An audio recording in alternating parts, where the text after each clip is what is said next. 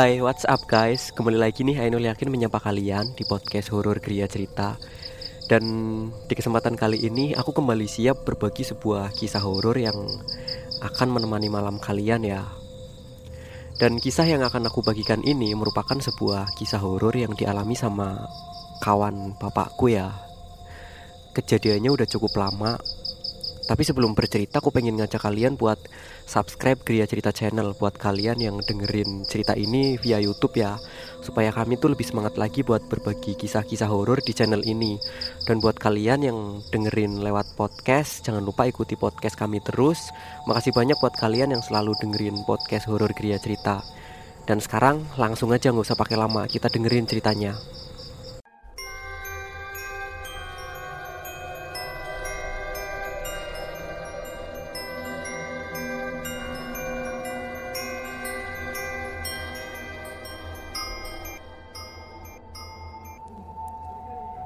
Kisah ini terjadi sekitar tahun 2004 silam.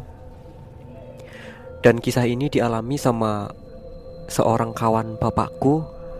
Sebut aja beliau bernama Pak Heri. Di desaku beliau itu akrab disapa dengan Kang Heri. Nah kejadian ini bermula ketika Kang Heri itu membeli sebuah becak bekas ya dari seseorang yang belum lama dikenalnya.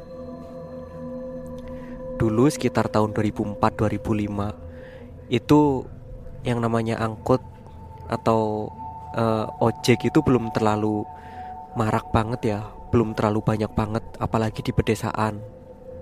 Apalagi yang namanya ojol sama taksi online itu sama sekali nggak ada ya. Di perkotaan aja nggak ada apalagi di desanya aku yang bener-bener uh, masih bisa dibilang tuh pelosok banget.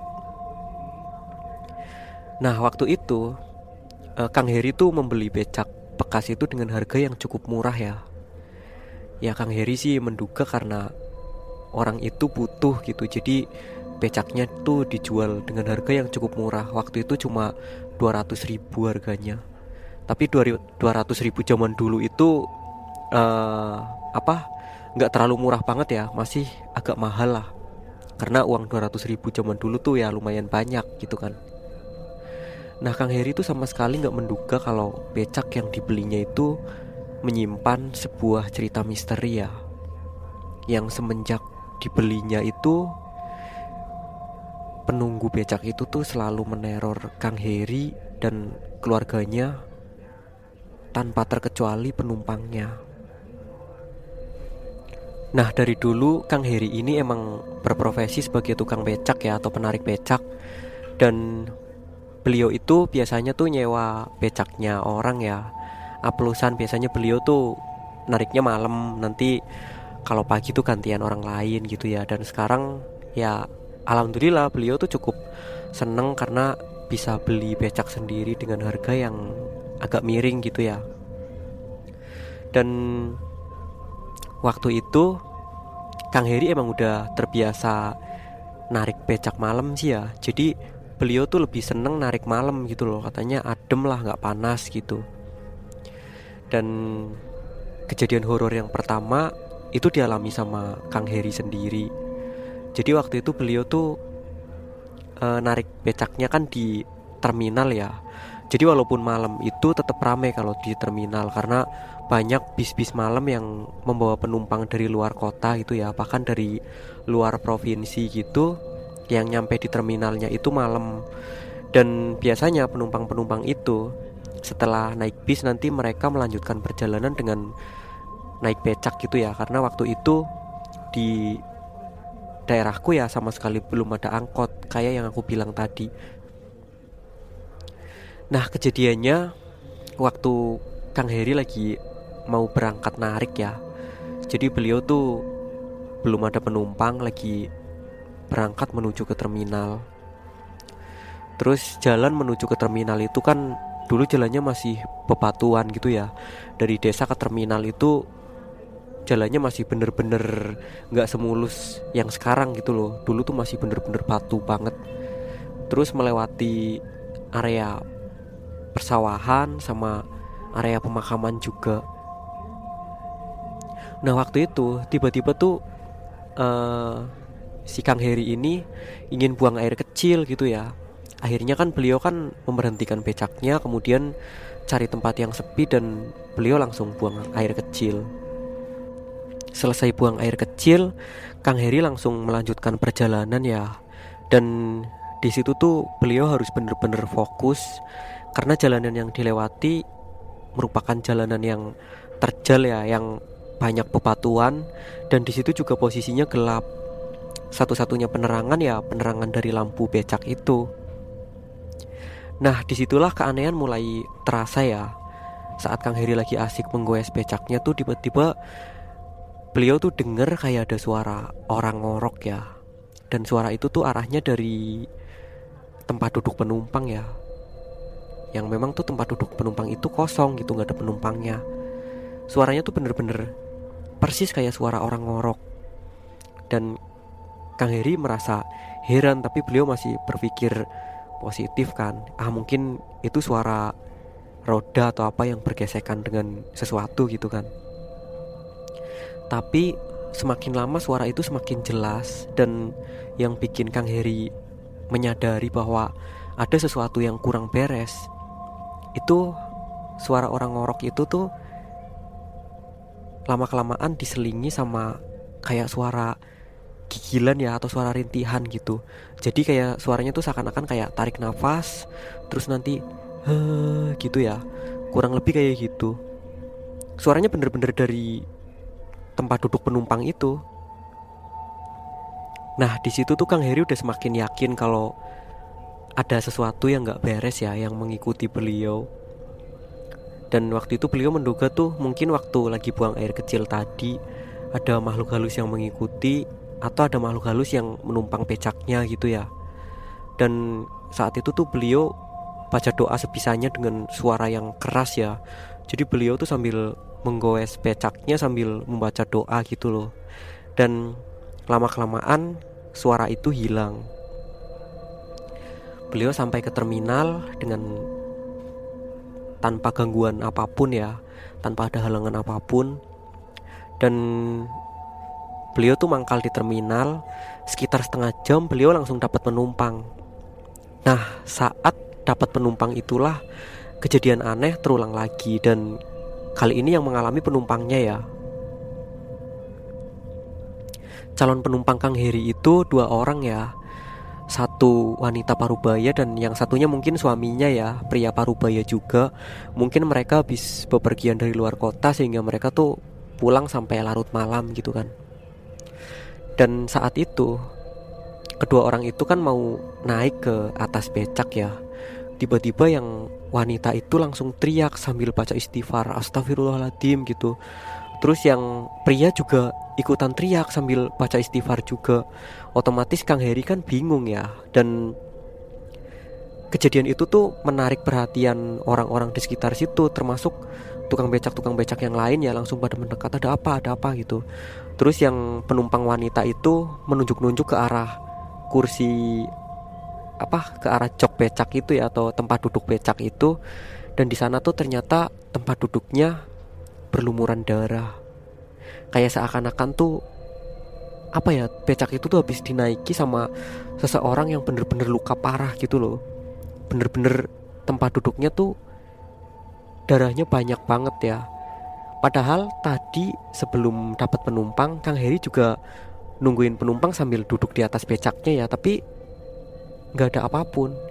Dan Kang Heri juga udah bener-bener memastikan ya kalau tubuhnya tuh sama sekali nggak ada luka Apalagi luka sampai mengeluarkan darah sebanyak itu gitu kan dan waktu itu Kang Heri bener-bener dicecar berbagai macam pertanyaan ya sama orang-orang yang ada di tempat itu. Katanya lo habis bawa orang kecelakaan ya. Ya Kang Heri karena nggak ngerasa habis membawa orang kecelakaan atau apa gitu ya dia bingung ya mau jawab apa gitu kata Kang Heri enggak kok gue tuh baru berangkat narik gitu kan. Terus dari tadi kan gue duduk di sini kalian juga pada lihat kan gitu. Kalau misalnya dari tadi gue duduk di sini udah ada darahnya pasti baju gue ya berlumuran darah lah gitu. Baju gue bersih tuh dan eh, orang-orang uh, yang ada di situ yang menanyai Kang Heri itu ya membenarkan juga ya karena dari tadi tuh mereka lihat mereka kan kebanyakan kan sama-sama tukang becak ya yang ada di situ tukang becak terus kondektur bus gitu kan. Dan mereka tuh dari tadi emang lihat Kang Heri duduk di atas becaknya nggak ada apa pun gitu loh semuanya baik-baik aja. Dan karena kedua orang calon penumpang Kang Heri itu udah panik ya udah takut lihat kayak gitu juga kan. Akhirnya kedua orang itu nggak jadi naik becaknya Kang Heri saat itu Kang Heri mulai menyadari ya kalau di becaknya tuh ada sesuatu yang bener-bener nggak beres gitu kan. Dan itu kejadian horor yang pertama kali Kang Heri alami ya dari becak itu. Kejadian yang selanjutnya itu membuat Kang Heri dan keluarganya semakin yakin kalau becak bekas yang dibelinya itu berpenghuni ya. Jadi ceritanya malam itu kan Kang Heri nggak berangkat narik karena beliau tuh ngerasa nggak enak badan gitu kan. Terus malamnya juga turun hujan yang lumayan deras gitu. Jadi ya udahlah. Beliau memutuskan nggak berangkat narik becak. Mungkin akan berangkat besok aja lah gitu kan. Nah sekitar jam setengah satu malam itu beliau sama istrinya kan kebangun ya. Terus mereka tuh denger kalau becaknya tuh kayak ada yang naiki dan ada yang menggoyang-goyang gitu ya. Jadi posisi becak itu kan berada di luar rumah ya. Dan becak itu posisinya rodanya di rantai gitu loh, dikunci pakai rantai gitu.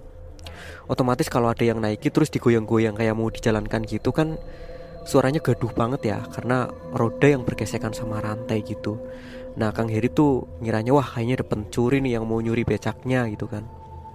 Saat itu Kang Heri tanpa pikir panjang langsung keluar ya sambil bawa golok gitu dan ternyata yang ada di becaknya itu merupakan sosok orang ya. Mungkin uh, kalau sosok tubuh itu kondisinya bagus kondisinya bener mungkin itu sosok tubuh pemuda gitu ya.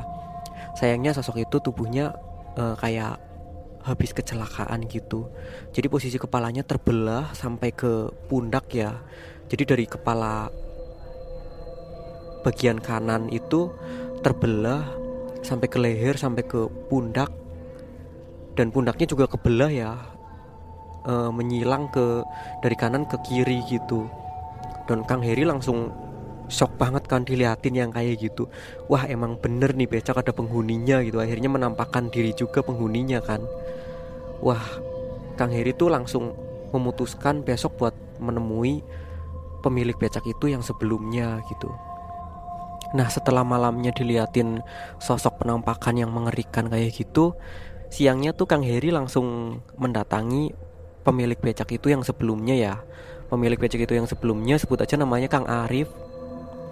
Nah Kang Heri langsung mendatangi Kang Arif dan Kang Arif waktu itu langsung minta maaf sama Kang Heri dan menceritakan sesuatu yang telah terjadi di becak itu ya jadi waktu becak itu masih dimiliki sama Kang Arif beberapa bulan yang lalu ya.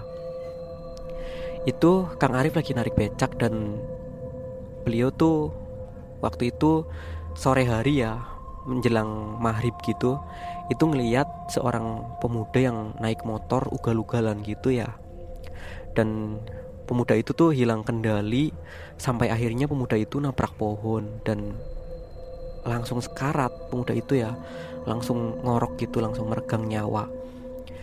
Nah karena waktu itu belum ada HP belum ada uh, telepon rumah itu ya telepon yang telepon yang ada gegangnya itu itu juga yang punya cuma kantor kepala desa ya dulu kalau di pedesaan yang punya telepon kayak gitu.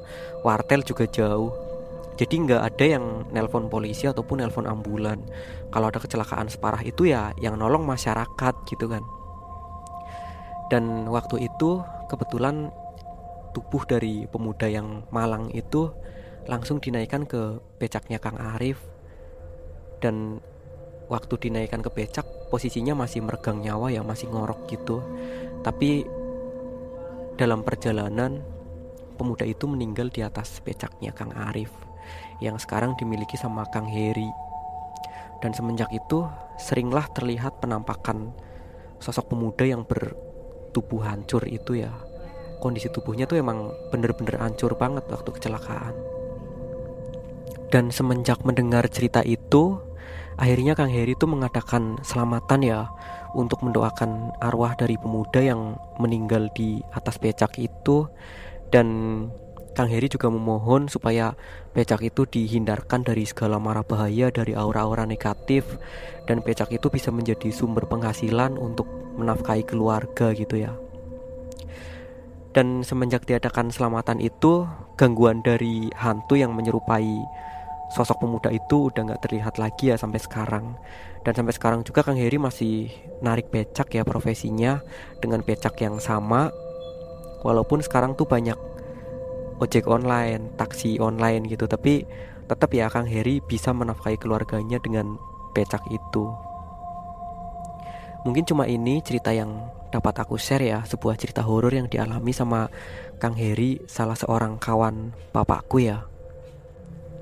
Harapan aku semoga teman-teman dapat terhibur ya mendengarkan cerita horor yang aku share di sini dan buat teman-teman yang mempunyai cerita horor atau pernah mengalami kejadian horor, boleh ya berbagi cerita bareng kami di sini di kriacerita@gmail.com melalui email atau melalui DM Instagram kami ya. Jangan lupa juga di follow kalau berkenan Instagram kami di @podcastkriacerita. Bisa juga melalui WhatsApp. Nanti nomornya aku sisipkan di description box. Dan mungkin cuma ini dulu ya yang dapat aku bagikan. Mohon maaf apabila banyak kekurangan, baik itu di audionya ataupun di caraku menyampaikan ceritanya. Ya udah, mungkin cuma ini guys. Sampai jumpa di cerita yang selanjutnya ya. Terima kasih. Wassalamualaikum dan see you.